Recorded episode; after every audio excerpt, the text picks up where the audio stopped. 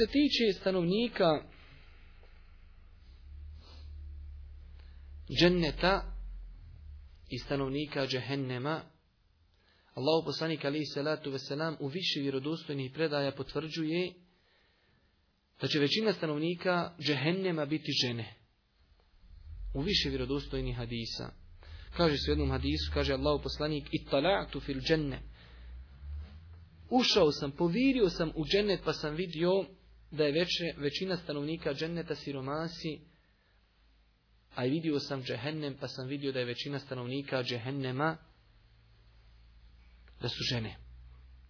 Ovdje se postavlja pitanje, i tu je pitanje staro, povlači se već dugo vremena, čak od vremena Saba, koga će biti više u džennetu, žena ili muškaraca?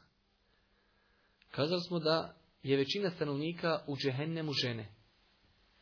Ebu Hureyri radijallahu ta'ala, kad su ga upitali to pitanje, kaže Ebu Hureyre, taj hadis bilježi Buharija i Muslim, govori on početak hadisa onim skupinama kada će prva skupina pa druga skupina ući u džennet i njihov oblik kakvi će biti. I onda kaže svako od njih, svi koji uđu u džennet će imati, kaže, po dvije žene. Svi će imati po dvije žene, pa ih opisuje na način da se košana srž njihovih potkoljenica vidi kroz njihovo meso. To je taj vid ljepote. I on ih opisuje i kaže, u džennetu nema neoženjenih. Svi će biti oženi. Znači, pošto će svako biti oženi u džennetu, imati po dvije žene, minimalno, onda, kaže, logično je da će biti žena u džennetu više. Ali se onda postavlja pitanje kako da ima žena više u džennetu, a i većina stanovnika džehennema su žene. Islamski učenjaci su dali odgovore na to razno razni. Jedan od prihvatljivi jeste da žena generalno na Dunjalku ima više od muškaraca. Tako da njih može biti više i u džennetu, a da je većina opet stanovnika džehennema da su žene. I tako znači se pomiruju ta mišljenja, iako ima i drugih mišljenja. Ali koliki mal procjena će žena ući u džennet, od svega toga govori nam vjerodostojan hadis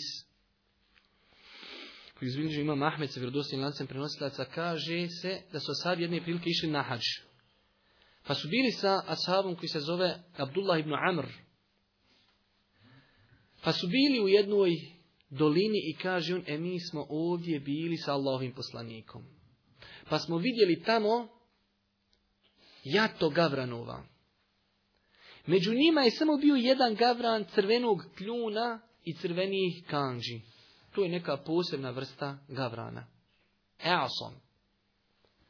Kaže pa Allah, poslanik alaihi salatu wasalam, kazao Neće u, žen, u džennet ući broj žena, osim u kolikom procentu je ovaj gavran u ovom cijelom jatu ptica. E toliko će, kaže, procentualno žena ući u džennet.